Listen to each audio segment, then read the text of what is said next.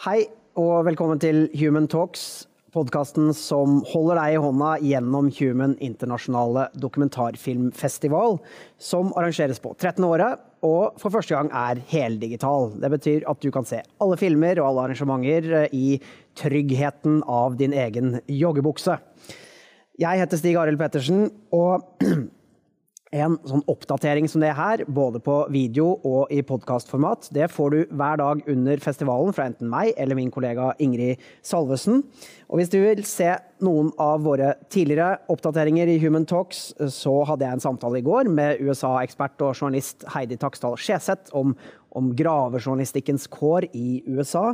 Og for noen dager siden snakka vi med Jonas Poher Rasmussen, som er regissør av årets åpningsfilm 'Flukt'. En animert dokumentar om det å flykte fra Afghanistan. Eh, så den kan også gå til humanfilm.no og se på, eller på Facebook-sida til eh, festivalen. Og på humanfilm.no får du også informasjon om alle de 44 filmene som er på årets eh, program, og hvordan du kan få tilgang til dem. I dag er det Colombia Latin-Amerika og Norges rolle der som står på programmet her i eh, Human Talks. Eh, og derfor så er du her, eh, professor og Latin-Amerika-forsker Benedicte Bull. Velkommen til deg. Tusen takk. Og så skal vi få noen insidertips til filmer i dag, Kjetil, og snakke litt om hva annet som står på programmet. Kjetil Magnussen, festivalsjef. Du har noen filmtips med deg, regner jeg med? Absolutt. Det er bra.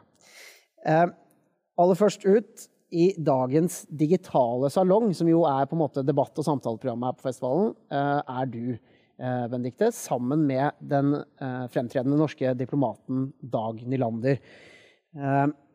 Han leda fredssamtalene mellom FARC-geriljaen og den colombianske regjeringa, som leda fram til en fredsavtale i 2016. Og det går jo ikke akkurat så veldig bra i Colombia for tida, etter, etter, eh, etter, den fredsavtalen. Kan du først bare gi oss en sånn update på hvorfor, hvorfor har vi en sånn samtale nå og snakker om situasjonen i Colombia? Det, det, er jo fred på papiret. Ja, jeg må først si at altså, eh, Dagen i landet leda nok ikke fredssamtalene. Eh, vi liker jo å tenke på at Norge har en veldig viktig rolle. Understreker at de er tilretteleggere, ja, men eh, sentrale ledet, aktører var det. Han ledet den norske delegasjonen ja. til eh, forhandlingene som foregikk på Cuba.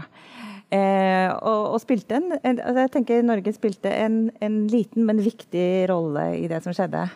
Og så har det jo liksom falt litt ut av medienes søkelys, i hvert fall her. Men det gikk jo ikke helt sånn som mange hadde håpet på eh, i Colombia. Så det er en, en veldig vanskelig situasjon eh, nå. Det har vært det over flere år. men denne fredsavtalen er jo veldig, et veldig sånn komplekst dokument. Og det er jo egentlig, hvis man tenker over det litt sånn spesielt, at en gruppe geriljasoldater og, og, regjeringen sitter og forhandler om noe som egentlig skal liksom gjøre ganske store endringer i, i, samfunnet. For hvis du bare forhandler om å legge ned våpnene, så forhandler du jo ikke om årsakene til krigen.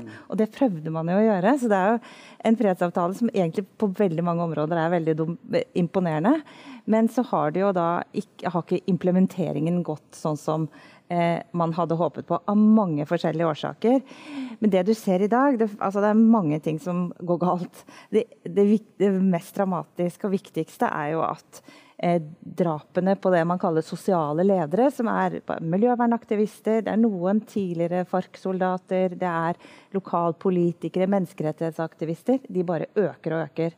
Mange forskjellige tall på dette, her, men i hvert fall over 400 er drept i løpet av de årene som, fire årene som har gått siden fredsavtalen ble undertegnet. Og eh, litt over 130 bare i fjor. Altså det er, det er ganske dramatiske tall. Det kan virke ganske snodig. Altså, hva har drap med miljøvernere å gjøre med en fredsavtale med, gjennom, mellom en kommunistisk gerilja og, og regjeringen? Ja, det, er et, det er de sammenhengene. Det er et ganske komplekst spørsmål. Men altså, man, Colombia er et rart land. Det er et, mange land i ett. Det er veldig fragmentert. I noen områder så det, var det geriljaen som på en måte var ordensmakten. Eh, mange av de eh, områdene er det veldig lite statlig tilstedeværelse. Eh, det er lite offentlige tjenester, er også, også lite politi og alle mulige andre. En av grunnene til at eh, regjeringen ville ha en fredsavtale, var jo å, å skape en ny så på en måte, styringsstruktur i disse områdene. Noen av de skulle brukes til eh, utvinning av forskjellige naturressurser og andre ting. Så, så la altså geriljaen ned våpnene, og det, det, fungerte jo bra på, i fredsavtalen. Men det var ikke så mange andre som holdt, holdt eh, eh altså kontrollen i de områdene, og fremdeles svak tilstedeværelse. Og så kommer f.eks. selskaper inn og skal begynne utvinning i områder hvor det er urfolk, det er eh, miljøhensyn, og man protesterer på det. Og så er det da andre væpna grupper som er kommet inn. Og paramilitære, det er kriminelle organisasjoner og mange andre som da eh, står for de drapene som, eh, som skjer. Så mener jo noen at det er liksom mer sånn systematikk i dette her. Andre mener at dette er et resultat av at det er kriminelle som styrer i de områdene. Så eh, freden i Colombia er skjør, og den har fått seg en backlash også fordi, fordi landets befolkning valgte rett og slett en president som, som ikke er positivt innstilt til, til fredsavtalen. Ja. Altså, det er jo en av de tingene som er selvfølgelig, altså Colombia er et demokrati, og det, de hadde ikke styring på hvem som skulle bli den neste presidenten. Men det har jo vært én person som hele veien har vært imot både fredsforhandlinger og, og avtalen, og det er tidligere president Alvaro Rive. Eh, han ikke, kunne ikke lenger stille til valg i 2018, men det kunne en av hans eh, nære allierter, Mm. Ivan Duque. Som, fra partiet så sa de vi kommer til å rive fredsavtalen i filler. Det har jo nåværende president gått tilbake på.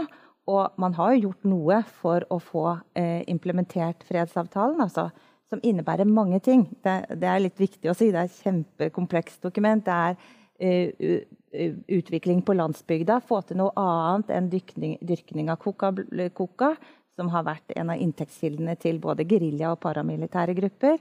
Det går på å få til en sånn eh, altså rettsoppgjør. Veldig sånn, det kommer jeg til å snakke litt med Jeg vet at eh, Dag Nylander var veldig involvert i denne ganske sånn avanserte måten å, å lage et rettsoppgjør uten å gjøre utsiktene til, eh, til, straff for overveldende for partene i krigen, sånn at de ikke skulle signere på, mm. på dokumentet. Eh, det innebærer eh, altså, eh, ny, altså det å reintegrere FARC-soldatene og veldig mange andre ting det som regjeringen har altså, på en måte trenert mange av disse prosessene.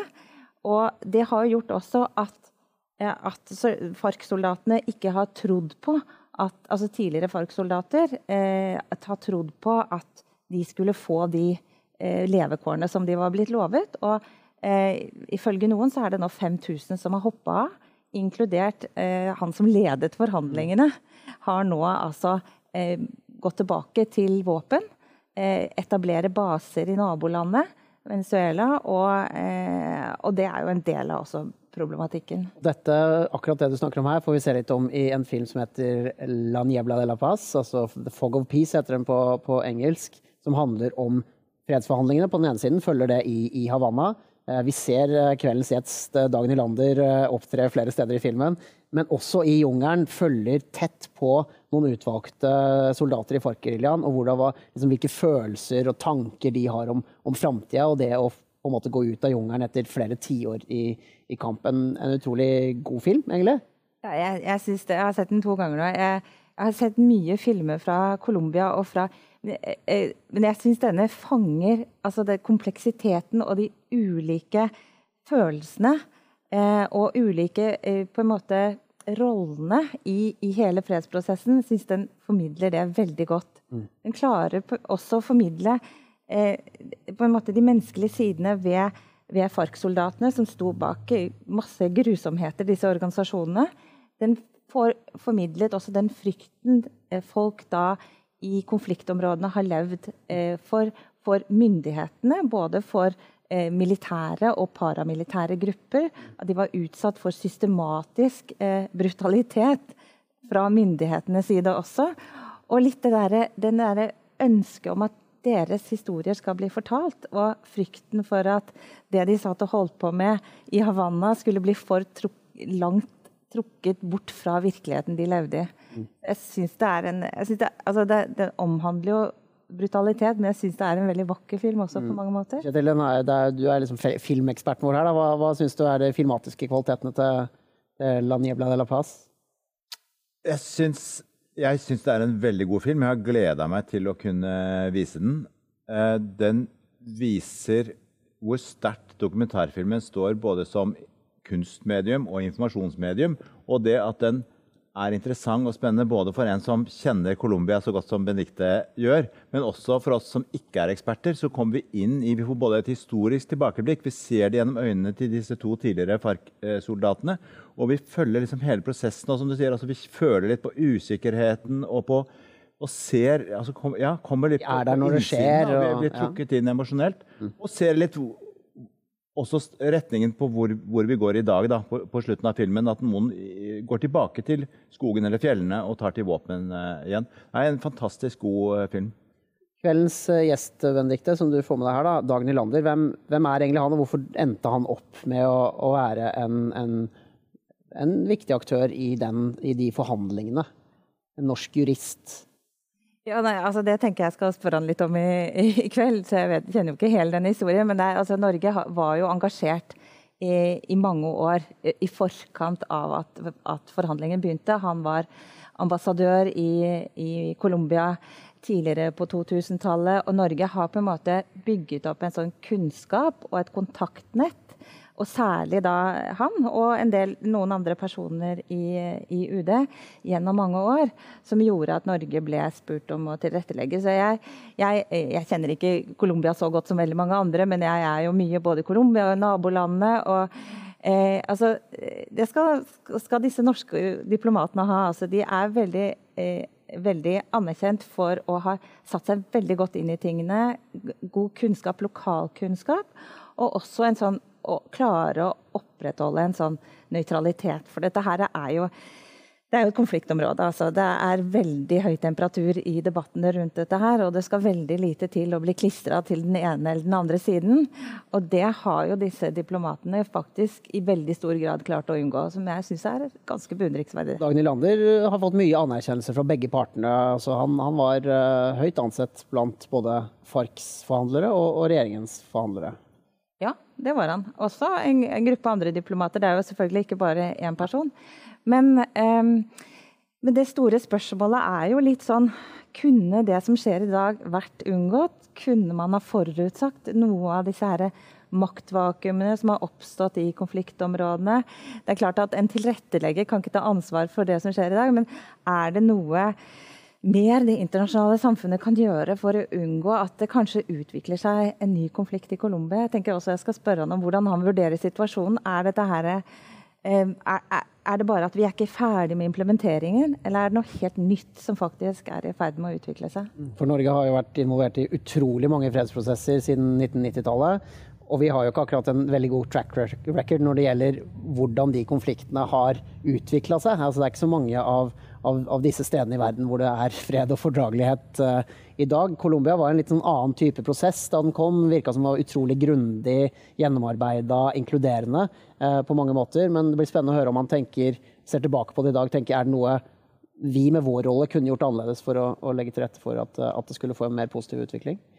Ja, det er, jeg syns det er veldig interessant. Og det, det stiller kanskje også litt spørsmålet er liksom fredsforhandlinger og det å undertegne på en avtale, er det liksom i det hele tatt et egnet instrument for å gjøre slutt på dagens type konflikter og kriger? Altså, vi har gått fra da folk satt i skyttergraver og du kunne få liksom feltlederne til å undertegne en avtale, og så var det ferdig med det, til en veldig annen situasjon vi har i dag. For vi, vi har helt andre former for konflikter. Og den samtalen du skal ha, den kan alle der hjemme se enten på Facebook eh, live eh, eller på humanfilm.no klokka seks i kveld. Stemmer ikke, Kjetil? Um, I vår eh, digitale salong, som man digitale salong. på nettsiden. og ikke minst, man kan se det i opptak hvis man ikke sitter foran skjermen klokka, klokka seks. Um, det er jo da høyt anbefalt å se Land Jebla de la Paz, Fog of Peace også. Fantastisk god, god film. Um, og så er det en annen samtale som skjer senere i kveld, eh, Kjetil, i den digitale salongen. Eh, et et eh, tema som man kan si kanskje, jeg vet ikke om det er relatert, men i hvert fall et tema som har stått sentralt i denne festivalen i flere år, nemlig rasisme. Og ikke minst rasismedebatten, som skal snakkes litt om i, i kveld. Kan ikke du si noe mer om, om hvem som kommer her da? Jo, det er en, eh, dette er en kan avsløre at dette er en forhåndsopptatt eh, diskusjon. Mm. Man ser at det er ikke tatt opp her på Vega, men i eh, studio på, på forhånd. Eh, det er en veldig, blitt en veldig spennende og interessant diskusjon mellom Johan Shanmugaratnam, som leder samtalen, med Jamal Sheikh og Kamara Lundestad Jof.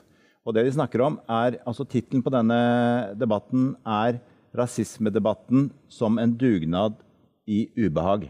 Mm.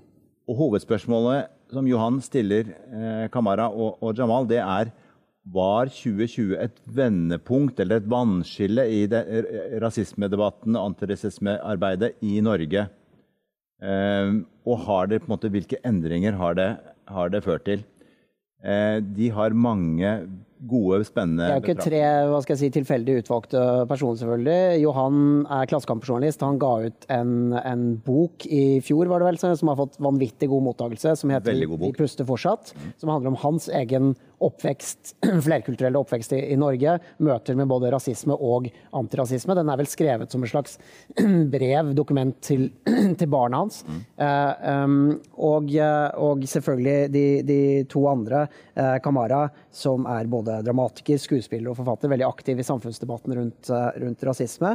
Og Jamal, som mange kjenner som den som står bak eh, Instagram-kontoen eh, Rasisme i Norge. Mm. Spennende folk. Veldig spennende. Og du har jo sett samtalen. Hva, hva blir det Jeg vil bare si at det er en veldig god samtale og veldig verdt å, å høre på. Jeg skal ikke prøve å, å repetere de poengene. Jeg syns de blir veldig godt sagt i eh, samtalen. Så det er mye bedre å gå inn og få med seg den fra og med klokka halv ni i kveld mm. i eh, Digital salong. Eh, veldig interessant. Og så er det noen selvfølgelig filmer som er knytta til eh, tema rasisme på årets program også. Hvilke, hvilke er det? Særlig eh, to filmer som da ikke handler om Norge, men gir oss et blikk utenfra på Australia og Brasil den ene fra Australia heter In My Blood It Runs. Der følger vi Dujuan, en eh, gutt som fyller elleve år i løpet av filmen, med urbefolkningsbakgrunn, og hvordan det australske samfunnet uh, fremdeles er veldig farget og formet av en innebygget rasisme. Eh, som gjør at for han så er det veldig vanskelig å finne sin plass og sin identitet i det samfunnet. Bare et eksempel fra den filmen. Vi følger ham en skoledag. En meget oppvakt eh, gutt. Veldig aktiv. Men likevel så kommer han i trøbbel, for å bli utvist fra skolen, har vært allerede i kontakt med politiet flere ganger. Og vi lurer på hvorfor i all verden det. Så en av dagene følger vi ham på skolen, og så ser vi en historietime hvor læreren forteller at Australia ble til når Captain Cook kom og plantet det engelske flagget. Og så ser vi også på ansiktet til Johan at altså, dette har jo ingenting med meg å gjøre. Altså, hva er det de driver med? Og han, han, han er jo også ganske uttalt eh, på det. Eh, og i dette området, han bor i Alice Springs, eh, så er altså 100% av de som er i ungdomsfengsel i hele Northern Territory, er, har urbefolkningsbakgrunn. Så noe er veldig galt og veldig skeivt. Eh, og det å se det utenfra, eh, som vi gjør da ved å sitte i Norge, det tror jeg også forhåpentligvis kan gi oss litt et speil også, til å begynne å kjenne igjen og se at det faktisk det er ting i vårt eget samfunn nå som vi ikke har eh, rydda opp i. Og så har vi den brasilianske In My Skin. Ja.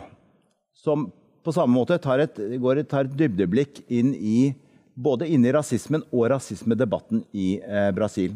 Og reflekterer også over sin egen rolle. Her er det en, en europeisk avstammet eh, regissør, altså en hvit regissør, som eh, både blir stilt spørsmål av sine intervjuobjekter, og stiller det selv også. Hvorfor lager jeg denne filmen om rasismen i Brasil, og er jeg den rette?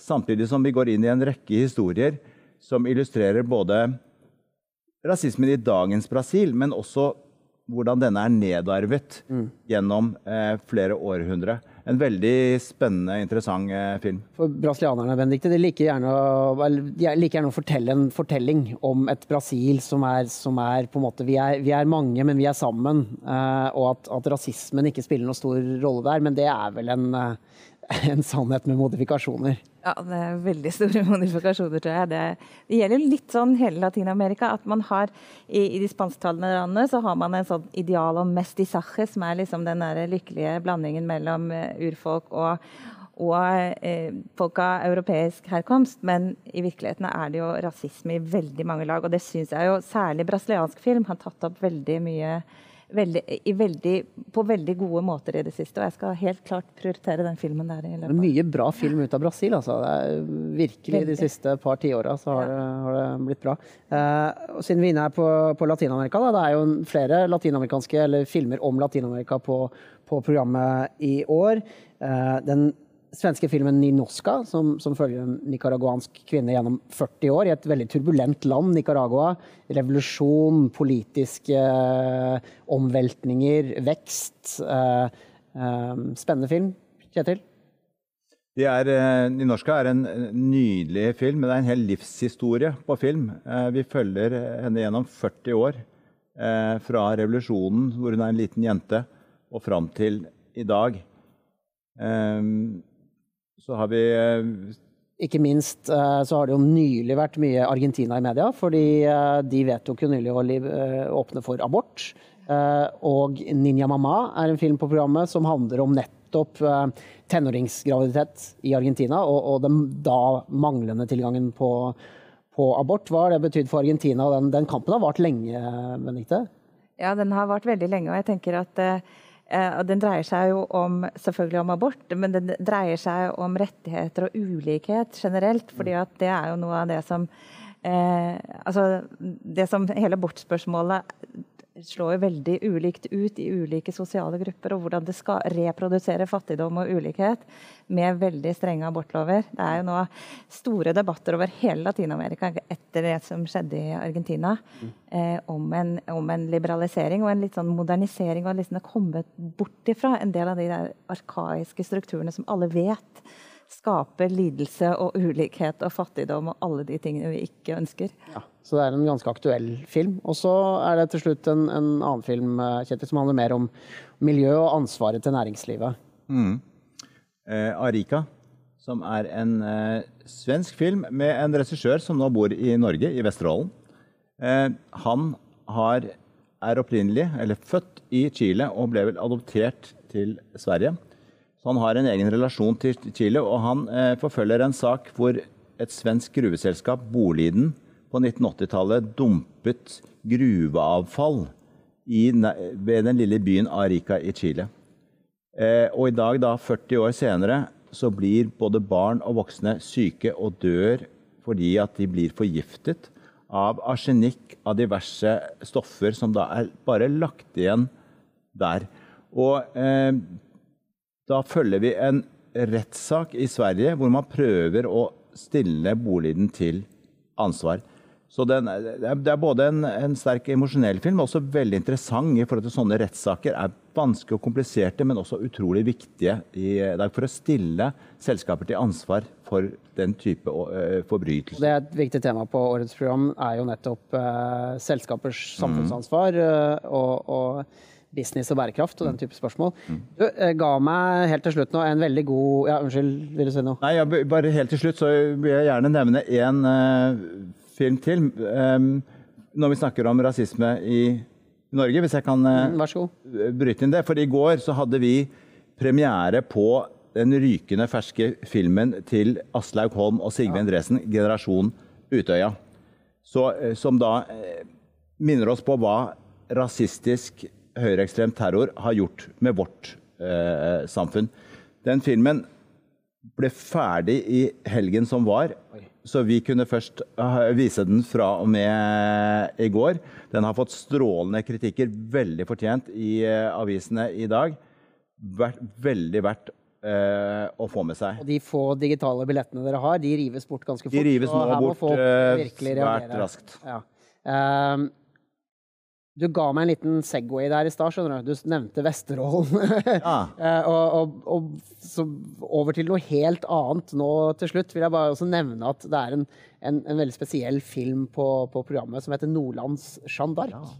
Eh, om den ukjente, ukjente krigshelten Liv Grannes fra Mosjøen. Eh, Norges høyest dekorerte kvinne etter andre verdenskrig som på en måte forsvant ut i, i glemselen. Det var jo mye debatten om, om, om, Atlantic Crossing nå, om hvordan man måtte oppkonstruere en historie om, om uh, kronprinsesse Märtha for, for, å løfte fram kvinnenes rolle i, i andre verdenskrig. Mm. Denne filmen beviser jo at det er ikke vits i å finne på historier i det hele tatt, for de fins. Du må bare løfte dem fram. Uh, veldig kort uh, til slutt, Kjetil, hva kan du si om den filmen?